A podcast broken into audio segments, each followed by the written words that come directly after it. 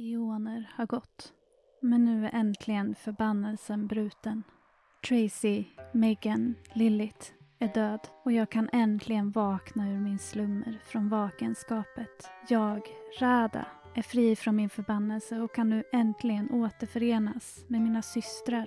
Om jag bara kan finna dem. Mitt namn är Mia Gibson och jag tar rollen av den uråldriga Rada. Detta är mitt sista soloäventyr. Välkommen till den tredje och sista säsongen av Begravd. Vårst luftballong har lämnat hans hem. Ombord som finns både han och Rada. Det har varit en uppfriskande vila hemma hos honom. Han är utvilad. Och Rada, har du också fått någon vila? Känner du dig lite bättre till mods efter att ha spenderat tid med hans familj? Jo, det gör jag nog. Och eh, även om eh, det är ett stort bekymmer som hänger över mig nu så har jag, jag... Jag tänker att jag är en social varelse och den här familjegemenskapen har gjort gott för mig. Eh, samtidigt som eh, jag har fått eh, slappna av i det och fått släppa tankarna på annat så har jag också vid sidan om det fått samla tankarna mot vad som är eh, framför oss. Det är så många um, oklarheter. Men jag har en väg att gå i alla fall framöver här. Och det är ju den här eh, Röda Damen och Simone i öknen där. Så jag, just nu är jag ganska lugn och målmedveten. Har du några skräcknivåer eller bestående förluster sedan tidigare? Jag har en bestående förlust i ego. Den har du återhämtat nu. Mm. Du ser bakom dig Kalapa, drömstaden, försvinna bortåt i horisonten. Då ni glider ut över den röda öknen igen. Staden som du sökte hade inte de svar du ville ha. Så nu börjar ni sätta kurs tillbaka mot en plats som ni hamnade på av en slump. Eller var det en slump? Då du tog över ballongen och hjälpte till. En hjälp som slutade i en krasch i bergen och som gjorde att du fann det där tältet. Ni färdas fram genom den här öknen och Wurst, eh, vad heter det, håller på och donar och eh, jag tänker medan han håller på och donar där så kan du få slå ett lätt slag med kropp plus stridsvana eller lätt slag med kropp plus obemärkt. Jag väljer obemärkt. 15. Du kan se där, det har gått några timmar sedan ni lämnade Kalapa bakom sig och han håller på att ställa i ordning lite ordentligt där. Bädda upp för natten och sådant där. Plocka fram lite färdkost och allmänt bara städar upp här lite efter. Ja, det, det blir ju även om ni far genom luften så blåser det ju upp sand och grus där så han liksom går och sopar upp den och tömmer den utanför luftballongen. Lite längre bort i en sån här vasskruka så kan du se att locket verkar röra lite på sig. Jag eh, smyger närmare. Och du rör dig ju tyst och ljudlöst där fram och du kommer fram dit utan att, utan att ge ett pip ifrån dig. Jag tror jag vet vad som döljer sig i den här lilla äh, vasskorgen eller krukan och jag, men jag lyfter väldigt försiktigt på locket för att inte skrämma den som är där i. Och när du börjar lyfta det där så kan du nästan se hur någonting verkar trycka sig nedåt och lite mot ryggen på den här. Så du kan ju se hur korgen börjar röra sig bakåt som på väg att eh, falla omkull. Mm. Jag lyfter helt på locket, fortfarande väldigt långsamt och försiktigt och eh, försöker möta blicken på den som är där i.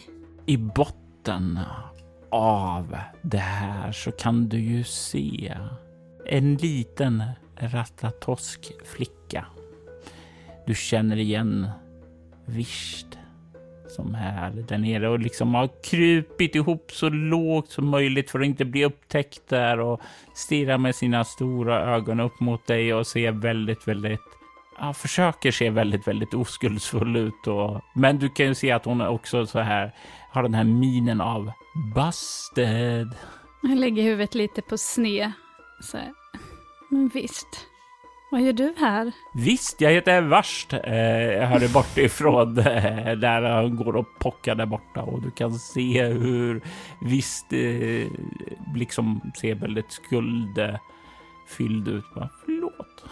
Jag säger till Värst, ta det lugnt nu, men vi har, vi har en fri passagerare. Fripar. Och sen så vänder han sig om och bara kollar bort emot lådan och sen bara Uh, och sen så börjar han gå fram där och sen kollar han ned där. Och du kan se visst uh, ser så där väldigt uppåt. Förlåt pappa, jag ville bara veta vad ni vill göra för äventyr. Kan jag få ta det här, säger jag till uh, Vorst. Du kan se hur uh, Vorst kliar sig i huvudet där och uh, uh, ja, ja okej, okay, säger han och börjar kliva därifrån. Uh, jag sträcker fram händerna och frågar, får jag lyfta upp dig? Okej. Okay. Ja, jag lyfter upp henne och uh, så tar jag henne och så, uh, jag, jag, tänker mig att vi har ändå en, någon sorts relation sen. Vi har umgåtts hemma hos dem lite grann. Mm. och jag tar henne och sätter henne i, i knät om hon visar att det är okej. Okay. och så sätter vi oss ner där på golvet bland några kuddar. Hon tycker det är helt okej, okay, för du, du är ju typ en sagofigur som är livslevande. Jag ser bekymrat på henne och säger, jag vet att du lyssnade när vi pratade.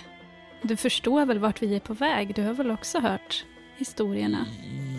Jag, jag lyssnade inte, säger hon. Och det, det syns ju att hon ljuger. Mm. Men jag vet att du lyssnade, säger jag. Eh, och, men det gör ingenting.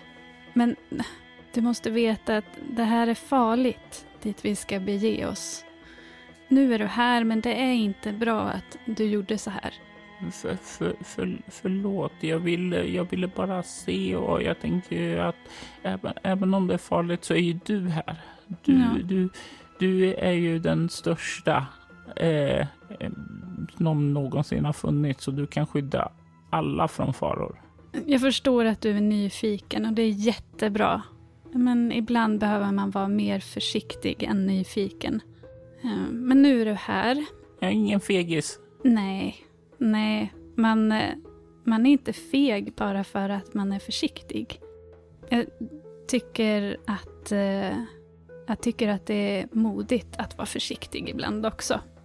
Men nu är du här och vi kommer naturligtvis ta hand om dig men det är viktigt att du lyssnar på oss nu och, eh, och stannar där vi säger att du ska vara.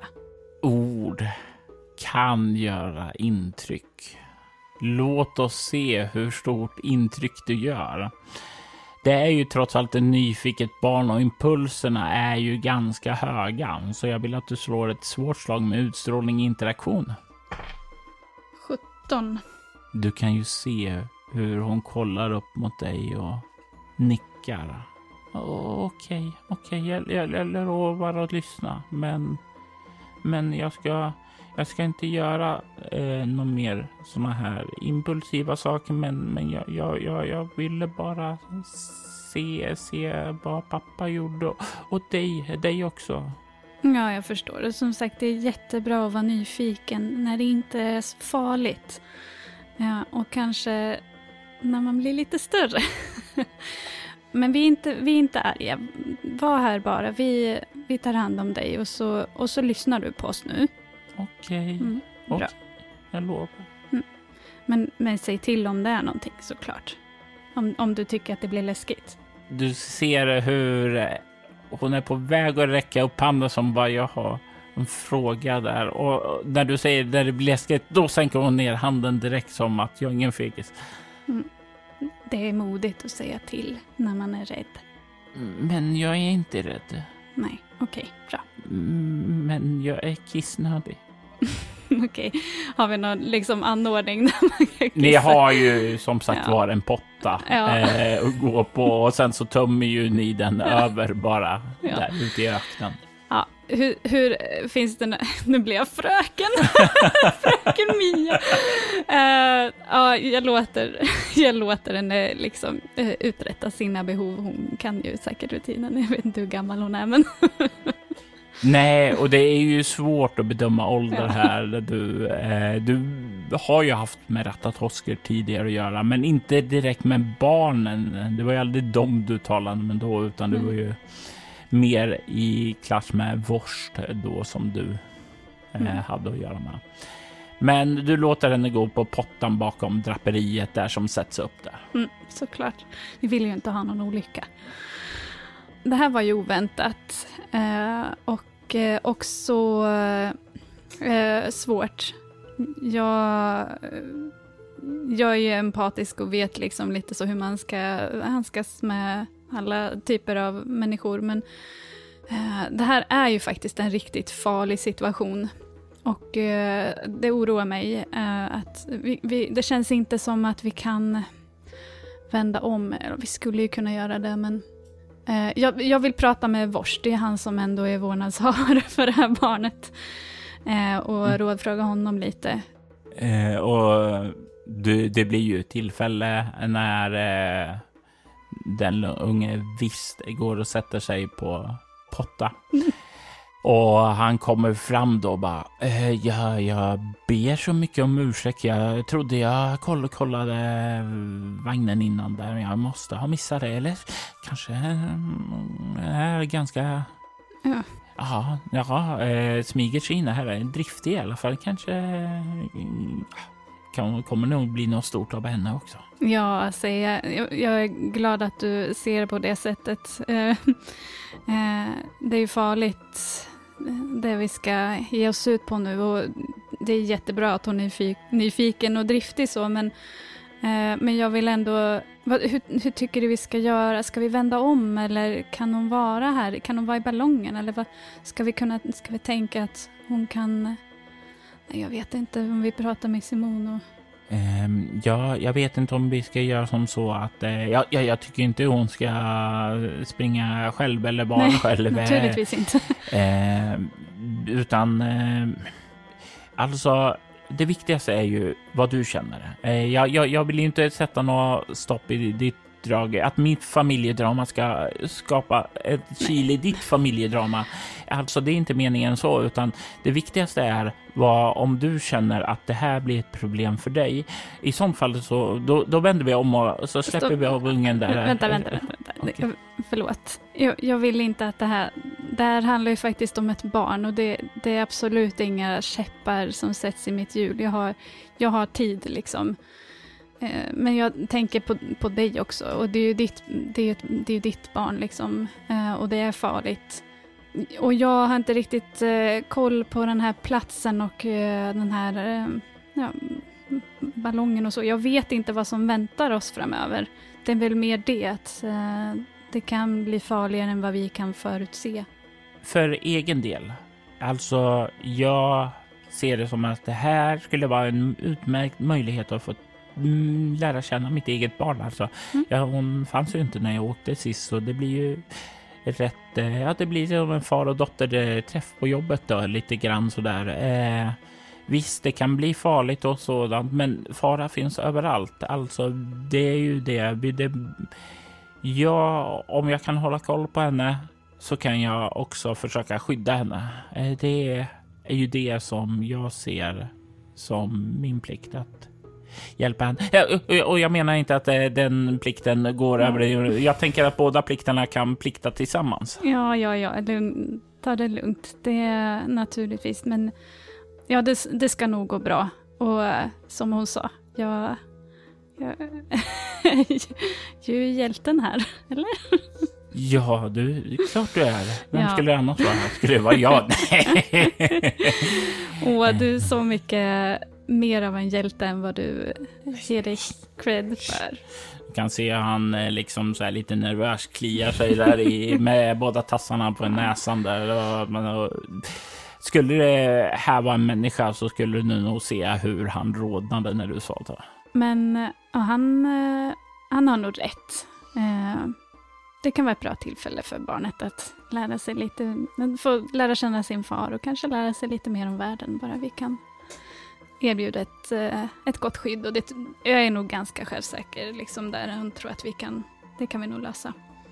Det kan vara, kanske kan vara, kan vara lite kul också, ha ett, ett nyfiket barn med på färden. Jag känner igen det här med nyfikenhet. Jag är ju lite som ett barn själv ibland, liksom, i, i den aspekten. Och du, de här tankarna går igenom dig när du plötsligt är här. Färdig! och du kan se hur eh, Vors kliver iväg där bort och hjälper den unge visst med att tömma pottan över kanten. Eh, färden är inte lika lugn och avslappnad som tidigare, utan det märks att ni har fått ombord en fripassagerare. Det är ett riktigt litet energiknippe med många frågor. Eh, kommer eh, ja, fram och kolla på en sak och fråga vad är det här? Vad används den här till? Eh, och går sedan eh, hela tiden tålmodigt far och bredvid och förklarar och verkar introducera hans dotter till ballongen där och sen efter ett tag så verkar eh, hon tröttna på ballongen och visst eh, kliver fram till dig och kollar på dig. Varför är du så stor för? Jag är född sån, säger jag bara. Va varför då? Det vet jag inte. Det bara är så, säger jag. Jag vet mycket, men just det kanske jag inte har brytt mig om att hitta svaren på. Eller vet jag det? Vi är ju bara födda så. Nej, nu är du inte bara född så. Du var ju skapad så. Ja, jag är ju skapad så, såklart. Mm. Det, kanske, det är kanske så jag uttrycker mig istället. Jag är bara skapad så. Vem skapade dig? Jag är skapad av Sahansari. Oj, de har inte jag hört någonting om. Vilka är de? De är... Eh, de är skapare. De skapade dig? De skapade mig och de skapade alla människor i vakenskapet och Gaia. För att bekämpa demonerna. Har du inte hört den historien? Nej, jag har inte hört så mycket om vakenskapet. Det är, det är en annan värld där det är mycket sagor och konstiga berättelser om hemska ting och konstiga förvridna städer och väldigt, väldigt få ostar. Mm, det finns gott om ostar på sina platser, det kan jag lova. Och för de som bor där är det inte så konstigt. För de som bor där är eh, drömlandskapet lika konstigt. Men, men det här är ju inget konstigt. Det är ju, det är ju så det ska vara, säger hon. Det är ju så det alltid har varit. Ja, för du är ju född här. Ja, precis. Mm. Det, här är, det här är rätt och bra för dig, men för dem i vakenskapet där är det annorlunda bara.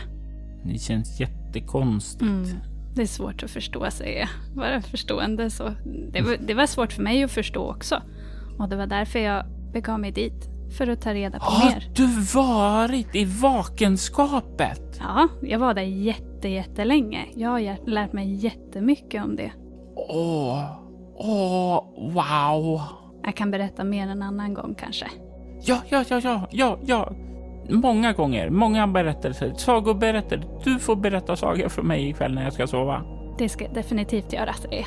Och du kan se hur Vorst kommer fram. Ja, nu ska jag skulle låta eh, eh, den gode Rada få fortsätta med vad hon pysslar med och ställa lite frågor, kanske senare istället. Ungefär som bara eh, lättar upp trycket där lite och fortsätter försöka bonda med sin nyfikna lilla dotter. Mm, jag har nog en liten själsfrände där kanske till och med. Jag förstår henne så väl. Eh, och det är uppfriskande verkligen, för det, det påminner mig om mina systrar och vår tid tillsammans och vår nyfikenhet och vår, eh, eh vår djupa önskan att förstå och söka kunskap. Så jag, ja, men jag kommer, helt otippat kommer jag falla bara tillbaka i den känslan och det är jättehärligt. Det blir en ganska trevlig resa med andra ord. Mm. Mm, härligt att bonda med den här lilla familjeenigheten som har följt med på resan. Efter en lång färd så börjar ni återigen se bergen och du börjar känna det här. Vi är snart framme vid det här tältet med Simone och den röda damen. Röda damen skulle ju vara borta i någon vecka sades det.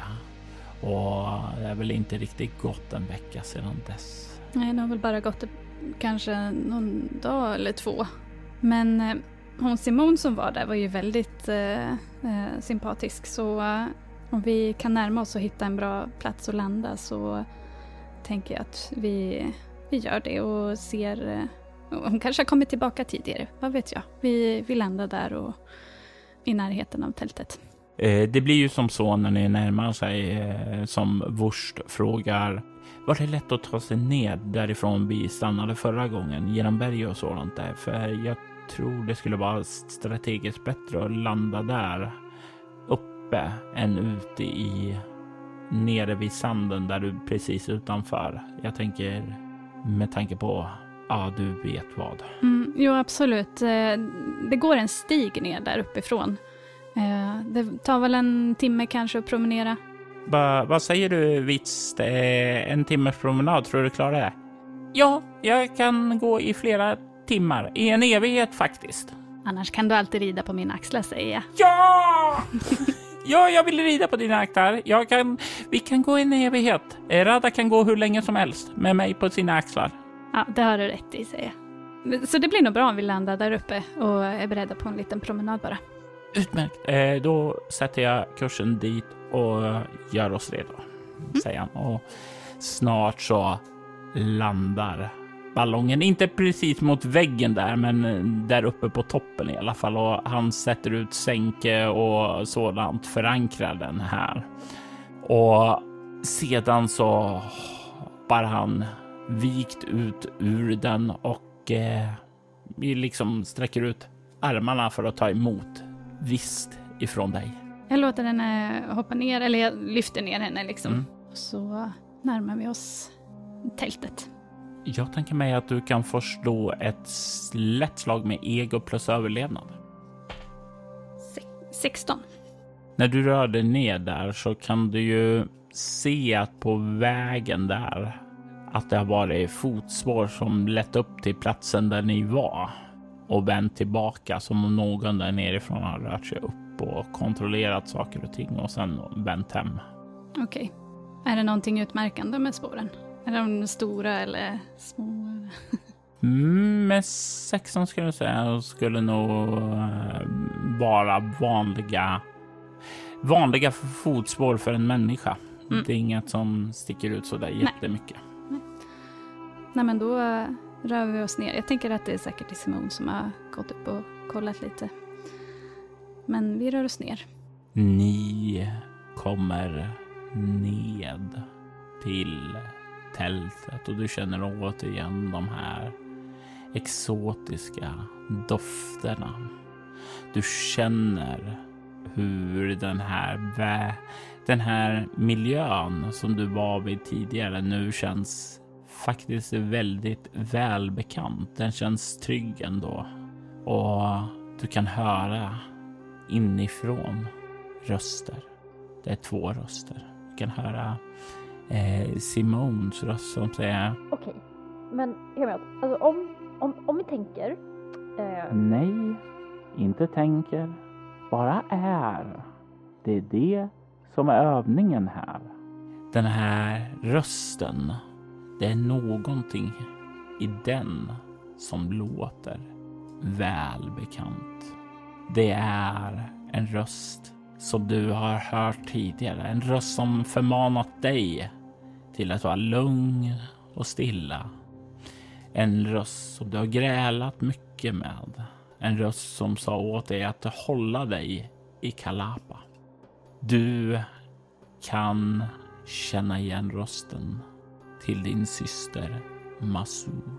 Eh, det finns ju ändå en eh, syskonkärlek där så jag blir men en, en riktig kärlek liksom. Så jag blir ändå glad av att höra den här rösten för att Jag har väntat och längtat så länge efter mina systrar eh, oavsett vår historia. Liksom. Så jag, eh, jag tror jag sätter ner visst lite eh, till eh, Vorst och rör mig ganska snabbt och uppspelt mot tältduken här och vill säga Hallå, ursäkta? Du kan höra Simon säga Åh, hej! Och sen så verkar hon tystna ungefär som om någon höjde ett finger åt henne och vara tyst. God dag, hör du den andra rösten säga. Jag lyfter försiktigt på tältduken och kikar in och säger Masu, är det du? Jag vill att du slår ett eh, svårt slag med utstrålning plus kameleont. 19. Du kan se att det sitter en kvinna i en röd vacker klänning. Hennes hår är rött och du känner igen Masurs ansikte. Du kan se hur hon ler mot dig samtidigt som hon säger välkommen. Uh, mina ögon tåras nu tror jag. Uh, för jag är så... Oh, äntligen har jag, har jag fått återse i alla fall en av mina systrar.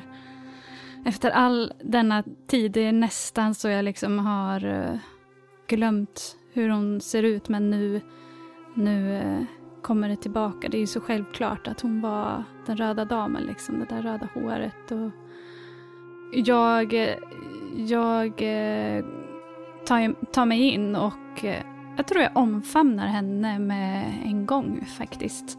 Jag kan inte riktigt kontrollera mig och det är väl mina, mina liv i vakenskapet som påverkar min känslostorm här. Jag springer fram och omfamnar henne. När du omfamnar henne så blir det inte omedelbart att eh, du får en omfamning tillbaka utan det blir sådana här överrumplade känslor. Efter en liten stund så känner du det här försiktigt händerna lägga sig bak på din rygg då och krama tillbaka lite lätt. Åh, oh, så, jag är så glad att se dig. Åh, det har gått så lång tid. Jag kramar om henne hårdare och hårdare och verkligen så här insuper henne för att hon är ju, vi är ju liksom av samma, ja men familj liksom. Och, ja, och mm. även om eh, ni hade många gräl så var det ju mm. inte bara gräl utan det var ju även goda stunder också. Ja, hon delar ju min nyfikenhet och min, sin, våran kunskap, kunskapstörst liksom. Och eh, där har vi nog haft många goda samtal och eh, vi har också, jag tänker mig att hon ändå har på något sätt, även om hon kanske inte har visat det så mycket. Jag har ju ändå bringat någon sorts kunskap och det har ju liksom, det har hon säkert värdesatt ändå. Mm. Så ja, vi har haft, eh, vi har delat mycket gott också. Det är kul att se dig också, säger hon och liksom låter dig liksom krama, omfamna henne. Och jag vet inte, har hon alltid varit så här eh, tillbakadragen och kall? Har jag all, har, är det jag som har varit den känslosamma? Liksom? Är, är det här hennes sätt eller är det någonting som har förändrats hos henne? Det tror du när du tänker efter det här. Eh, du skulle nog säga att hon var inte så här. Alltså, hon var ju mer levande, jag ska, mer mm. passionerad i det. Det var ju därför det var sådana här stormiga gräl ja, också ja. där. Eh, men det här är väldigt lugn, kontrollerad person.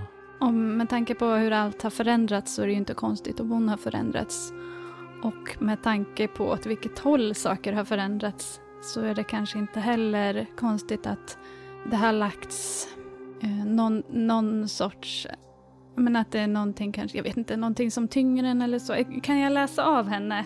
Det var därför du får slå 50. Jag kommer att droppa mer och mer information ja. ju längre du mm. interagerar med henne. Jag backar lite ifrån vår, vår omfamning och eh, lägger mina, mina händer på hennes axlar och ser på henne och möter hennes blick. Hon ger dig ett vagt leende. Kolla på dig. Det var länge sedan sist. Ja, det var det. Jag ber om ursäkt för det. Jag vet inte, jag har ingen...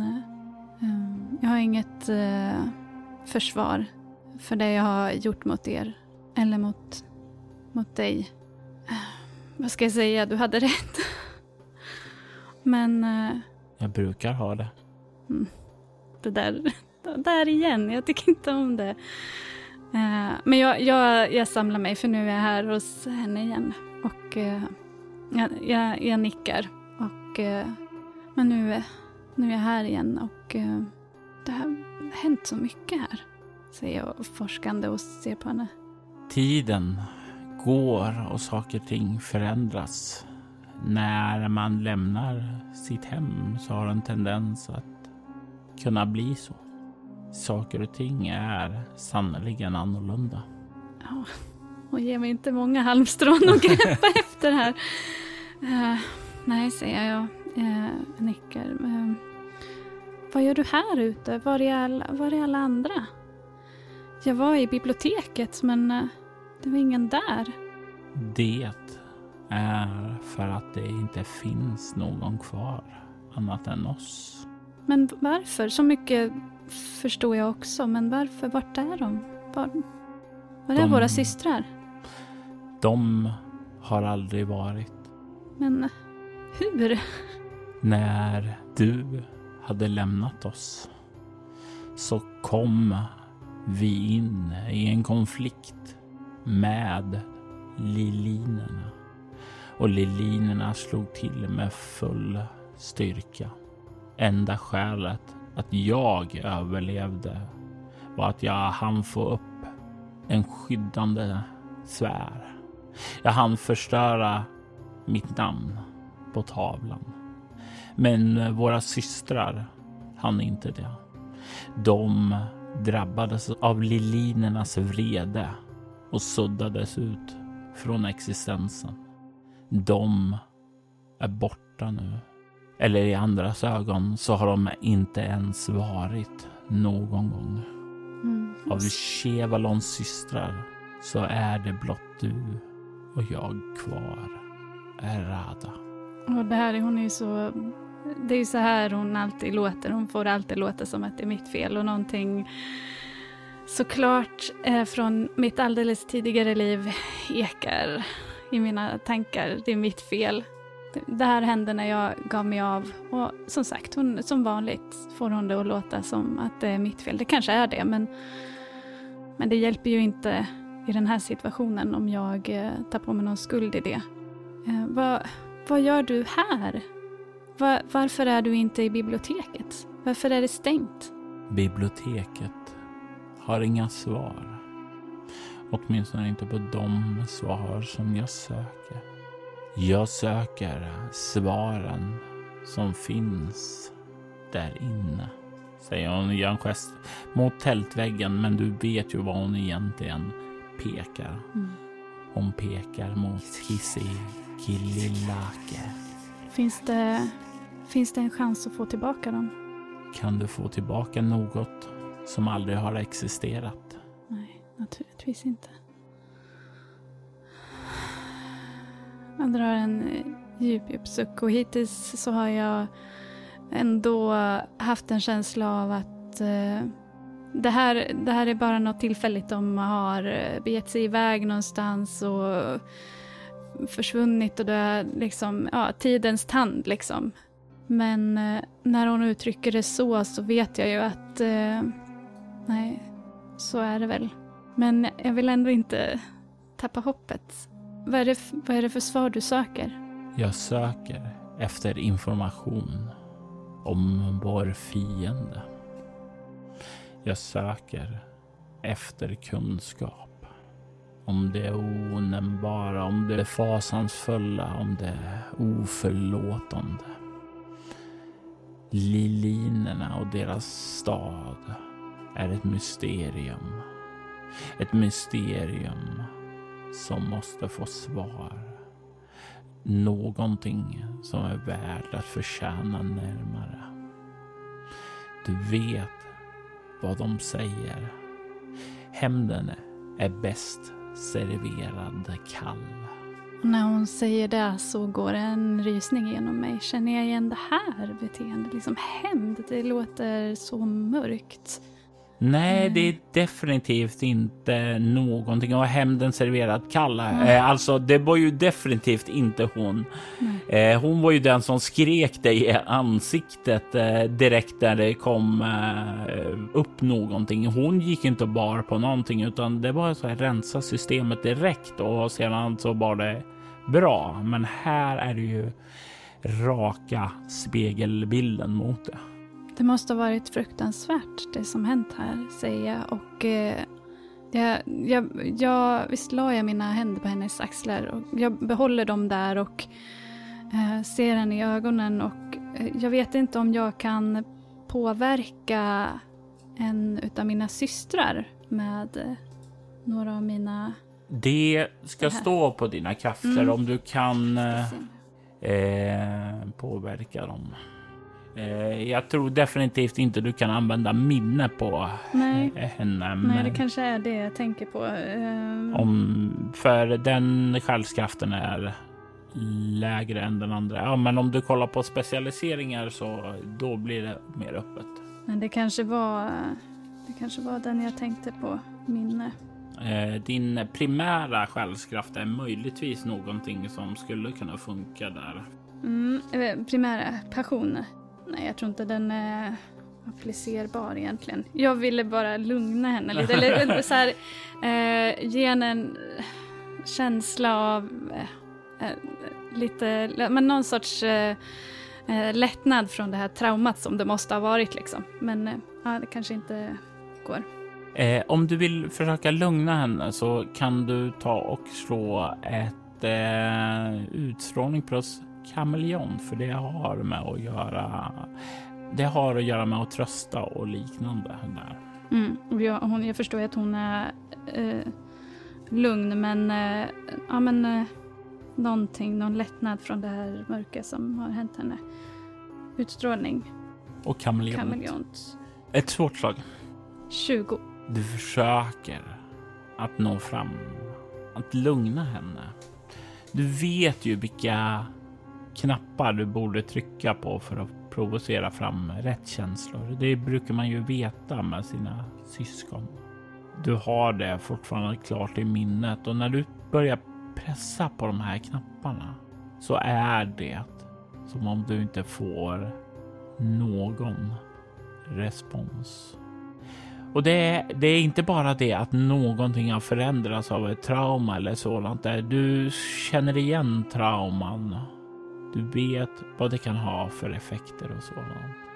Men tillsammans med små andra saker som du har plockat upp under samtalet så börjar det här kännas att det är någonting off med det här. Det är någonting i kroppsspråket som är lite, lite annorlunda. Reaktionerna är inte som du förväntar dig. Du ser det där fysiska. Jo, det är din syster. Men beteendet. Det är inte riktigt lika klart. Hon kallade dig inte vid namn heller. Inte förrän eh, hon var säker på vem du var. Och du hade nästan gett henne namnet. Med ditt lyckade på tröstarslag så blir du rätt medveten om att du kan nog inte trösta den här personen för det är inte din syster. Jag eh, ser forskande på henne, jag rynkar mina ögonbryn och jag säger Masu, alltså, är du, är du okej? Eller jag för, förlåt, jag förstår att du inte är okej men du har eh, förändrats.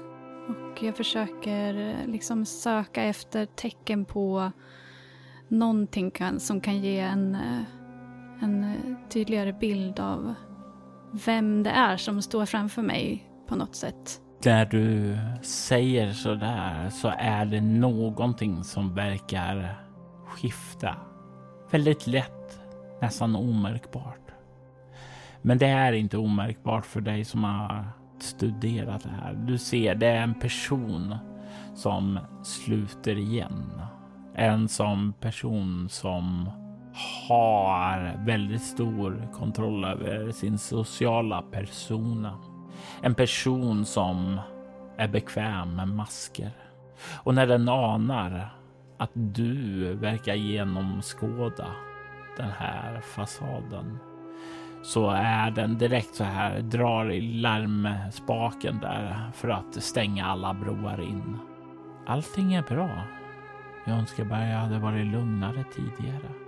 Du får en känsla av isig kyla bakom orden. Det här är definitivt inte hon.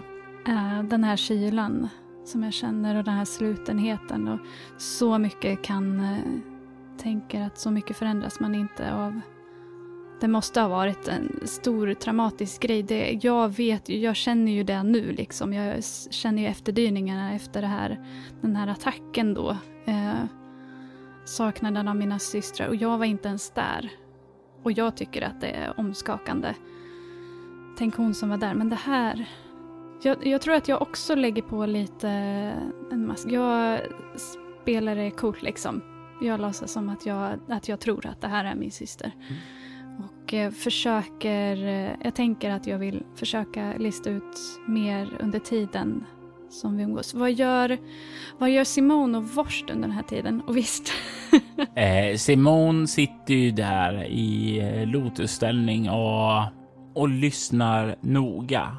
Eh, vad hon egentligen ska göra är att eh, göra någon form av meditationsövning, men hon verkar ha tappat det nu för att sitta och lyssna på vad ni pratar om. Vorst och Visst har kommit in. De har klivit fram så de står lite snett bakom dig och väntar väl, eller Vorst väntar i alla fall på att bli introducerad. Han säger någonting. Visst eh, står och spanar väldigt nyfiket över hela rummet. Då tänker jag att jag, eh, ja, jag skakar av mig lite. Ja, ursäkta. Det här är min, eh, min vän Vorst och hans eh, dotter Visst. Eh, angenämt, säger eh, Vorst och eh, bugar ju. Och i nästa ögonblick så ser det Visst rusa fram emot din syster för att krama om henne. Mm, eh. Låter du henne göra det? Nej, jag försöker nog hugga tag henne i, hennes, i, i nacken på hennes kläder liksom. Och uh, så här, ta det lugnt så, så, så beter vi oss inte. Det här är Masu, min syster. Eh, jag tänker när du tar och eh, grabbar tag i där att du ska mm. få slå ett motståndslag kropp obemärkt för att det är reflexer som den faller in under. Och jag slår samma här. 11. Och Visst har ju en specialisering i kvick. Mm, naturligtvis. slår 10. eh, med värdena så är hon ju snabbare igen, så du försöker greppa tag i det här. Mm. Och du hinner inte utan visch rusar rätt in i famnen på din syster. Och eh, du kan se hur din syster kollar ner på den lilla kraken som har kramat om. Och du ser hon sedan böjer sig ner för att omfamna Visst. Låter du henne omfamna Visst? Ja, jag vill behålla eh, lugnet och eh, charaden lite här. Eh, jag känner ändå att eh, här... Eh, det känns farligt, men jag tror att jag har kontroll över situationen. Masu omfamnar barnet, kramar om det, böjer sig fram och ur hennes strupe så väller tusentals viskningar i kör in i Vists öra. Nej. Och sen så släpper hon greppet om Visht och kollar ner på den lilla flickan och säger trevligt att träffa dig med. Du kan se Visht kollar upp och ler lite och sen så vänder sig om och går tillbaka. Ställer sig som om ingenting har hänt. Vad var det där? Eh, vet jag vad det där var? Du kan få slå ett ego okultism. Har du färdigheten oneiromanti? Esoteriska färdigheter ska den stå under. Nej. Då slår du bara ego okultism. 19. Det är inte ett perfekt slag, men när de här viskningarna kommer ut så är det någonting som känns konstigt fel, obehagligt. På samma sätt som då du stirrar mot Kissi Kililake. Okej, det är någon sorts korruption på gång här. Åh nej, åh nej, åh nej. Jag, jag tror att jag rycker till mig eh, visst och eh, tar henne och så att hon står nära mig. Så tittar jag. Nu, nu är charaden bruten, eh, tänker jag. När hon gör så. Hon måste ha förstått att jag såg det. Och så tittar jag på henne med eh, ganska arga ögon liksom ändå. Vad var det där, säger jag. Ett leende börjar sakta, sakta spricka upp. Åh, jag bara stärkte familjebanden. Du gillar väl familjer, Rada? Kanske för en gångs skull vill vara med i en familj istället för att springa ifrån den. Jag ger bara andra det du har flytt ifrån under hela ditt liv. Du kan se hur eh, Vars nu har liksom också dragit ytterligare vish bakåt och ställt sig framför henne. För han börjar känna av att det är någonting som är fel i det här rummet. Det är definitivt, är det här någon sorts jävla hem mot mig? Uh, åh. Jag får en känsla av att det här är ondskefullt liksom. Det här är inte någonting, det här, hon säger, uttrycker att oh, familjeband och det här, men jag, Mia, upplever ju inte att det här är, det här låter ju mer hotfullt än som en välsignelse liksom. Det känns ju som det här är ord som kanske har en viss sanning i det utifrån Masus perspektiv. Kanske så hon känner, men det är som om någon har tagit Masus känslor och en viss del av fakta och vänder och vrider dem mot dig som ett vapen. Vad eh, jag har för relation med eh, den här familjen har inte du någonting att göra med. Och då menar jag, när jag säger du, då lägger jag betoning på det. För jag tilltalar inte Masu längre. Jag tilltalar den som, som har kontrollen här. Som tydligen inte är jag. och eh, jag tittar på Vorst och eh, jag säger till honom, gå tillbaka till ballongen med Visst. Du kan se han direkt eh, agera på det. Alltså han hör din skärpa i rösten och han lyder direkt. Mm. Och Visst protesterar inte ens utan det bara följer med. Eh, om hon, eh, om Masu har gjort någonting mot henne, någon skada som inte märks nu så får jag ta tag i det sen. Vad gör Simone? Sitter hon fortfarande, fortfarande bara och lyssnar?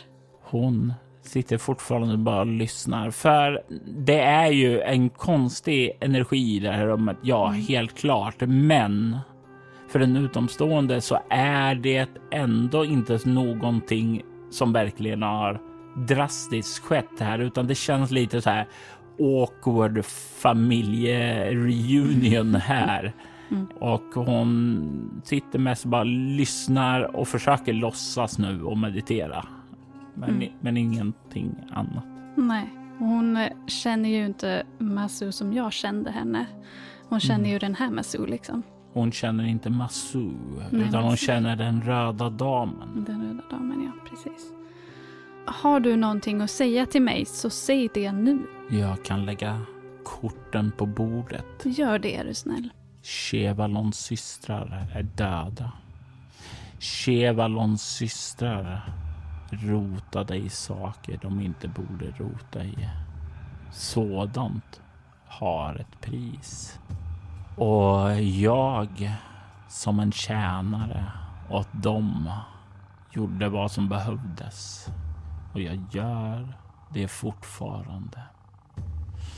Chevalons systrar existerar inte längre och de kan aldrig tillåtas att fortsätta existera.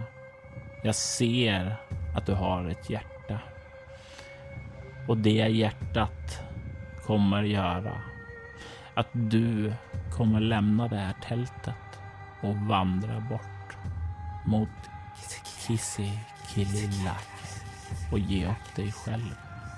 För endast så kan du förhindra den planta som växer att vittra, förruttna och sprida den farsot som nu gror i dess skälk. Mm. Känner jag igen det här? Det här låter ju inte som korten på bordet. Det låter ju kryptiskt. Eh, känner jag igen något med den här plantan? Är det något... Uh... Du får en Nytt. stark känsla av att det är en metafor mm. för ett uh, ungt liv som nyss har startat att växa. Något som kommer att förmultna, att dö om det inte får fortsätta växa. Jag säger det, kan du tala klarspråk? Är det, är det, vad händer i Kisikililäki nu? Klarspråk. Jag ser att eh, ditt sinne har fördunklats. Masu tryck, tyckte högre om dig. Men visst, jag kan tala klarspråk. En annan person behöver din kropp. Du kommer ge den personen din kropp, precis som jag har tagit denna. Om du inte gör det så kommer mina ord som jag lämnat i den unga ratatosken att växa och spridas ut över Kalapa. Jag klev rakt in i det här. klev rakt in i det här. Uh, mina käkar spänns och jag uh, vet att eh, jag säkert kommer göra det hon säger, men eh, det vill jag ju inte. Bli över, alltså det här med kroppsbyten och grejer, så jag är så över det. Det är ju ett område som du har erfarenhet av och mm. någonting som verkar återkomma mm. i ditt liv. Mm. Jag trodde jag hade kommit ur den eh, cirkeln. Men Nej, tydligen inte. Jag bara... Jag lurar mig själv. Du befinner dig inte i en cirkel. Nej, Du men... befinner dig i en spiral. Okej, okay, det som... Uh, för att lite samla här vad jag vet. Chevalons systrar är borta, har aldrig funnits, kan inte finnas igen. Och uh, nu står hela Kalapa på spel befolkningen där också. Om eh, inte jag eh, rör mig till Kisikililäke och eh, överlämnar min kropp att besittas av någon annan. Har jag förstått det rätt då? det är vad Masu, eller mm. den röda damen, verkar säga mm. åt dig. Men mm. det finns ju säkerligen saker däremellan. Mm. Det brukar ju vara som så. Det finns alltid dolda stigar att gå på som inte kan förutses av dem som riggar spelets ramar. Nej, och jag har ju lurat spelet förut, känns det som. Eh, när jag eh, eh till exempel lämnade min kropp här och begav mig till eh, Gaia. Jag ska nog komma på någonting, men hur kan jag veta att det här du säger är sant? Du kommer veta det när den röda pesten blomstrar i Kalapa. Då folket börjar falla döda ner till marken. Då blod rinner ur deras ögon och galenskap härjar där i en eh, symfoni högre än både Sodom och Gomorras. Då kommer du veta att mina ord var sann. När det drömvävda utplånas, då vet du att mina ord var sanna. Det är det hon vill bryta kontakten på något sätt med Gaia. Är det så jag tolkar det? Skulle definitivt kunna vara så. Det slår mig också att jag inte vet helt vem jag pratar med. Så jag säger det. Vem är du egentligen? Jag är den röda damen, säger hon. Jag är den som tog manteln av din syster då jag kom hit och vårdades av dem som blev förvägrade den plats som de rättmätigt skapades för att leva i. Var kommer du ifrån? Jag kommer ifrån Gaia. Jag förvisades hit och jag fick denna kropp som tack för tjänster utförda.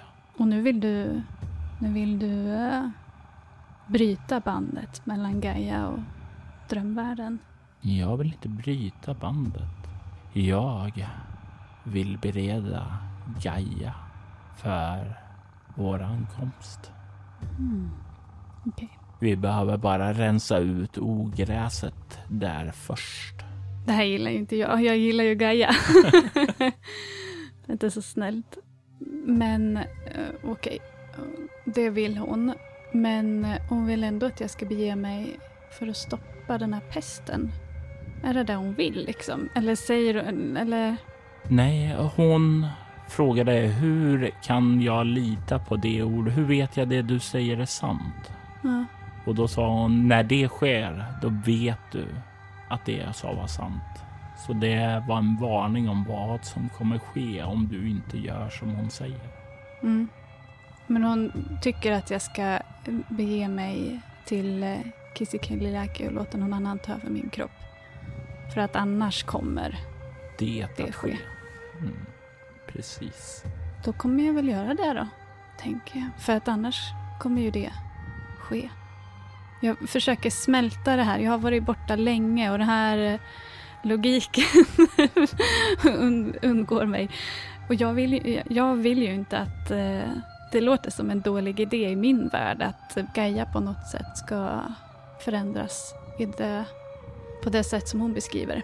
Så då vill jag ju undvika det. Då vill jag ju hindra det. Ah, det här är mycket alltså att ta in. Jag kom hit för att hitta mina systrar. De var försvunna. Jag tänkte att jag kunde hitta dem igen. Men nu är det helt andra saker som står på spel. Det är det. Och den syster du kom hit för att finna verkar mm. också ha försvunnit. Du står inför någon som tagit över din systers kropp. En människa som verkar ha landat här och går i lilinernas tjänst. De har nu gett dig ett ultimatum, men ett ultimatum som är svårt att greppa på ett moraliskt, filosofiskt och samvetsfyllt sätt. Tankarna spinner i Radas huvud och hon kommer behöva göra ett val. Ett dåligt val om hon inte kan se igenom det nät som har slutits omkring henne för att finna en oväntad utgång. Precis som hon gjorde då hon bröt sin förbannelse. I avsnittet Immortal Sin hörde vi Mia Gibson som Rada och Anneli Öhman som Simone Goodwin. Robert Jonsson var spelledaren som även ljudlade avsnittet och skrev scenariot. Avsnittet klipptes av Kvarnberg Productions, ett företag som bistår dig med allt ifrån att hjälpa dig att starta upp en podd till att klippa och producera den. Du hittar den på kvarnbergproductions.com och länkar till deras kanaler hittar du i avsnittets inlägg. Temamusiken till Begravd gjordes av Jörgen Niemi. Övrig musik gjordes av Andreas Lundström, Derek and Brandon Fichter, Lisa Listwy samt Cryo Chamber-kollaborationen Shub Nigurath. Lisa Listwy tillhör bolaget Cryo Chamber som ger ut fantastiskt stämningsfull och ambient musik som passar perfekt till dina spelmöten och rekommenderas varmt. Länkar till flera av artisterna hittar du i avsnittets inlägg. Soloäventyr är en actual play podcast där vi spelar rollspelen Bortom och Leviathan. Ni kan komma i kontakt med oss via mail på info.bortom.nu. Det går även att följa oss på Instagram och Twitter som @spelabortom på Facebook samt på bortom.nu. Känn er även fri att spana in vår spin-off-podd Allt och Schwidder. Där spelar vi det klassiska rollspelet Drakar och Demoner i världen Altor. Ni är välkomna att lämna recensioner om podden på Facebook och i era poddappar. Det uppskattas djupt av oss och kan leda till extra belöningar för er. Mitt namn är Robert Jonsson. Tack för att ni har lyssnat. Vi vill ta tillfället i akt att tacka, hylla och hedra våra Patreon-backare. Martin Stackelberg, Ty Nilsson, Daniel Pettersson, Daniel Lans och Morgan Kullberg. Ert stöd är djupt uppskattat.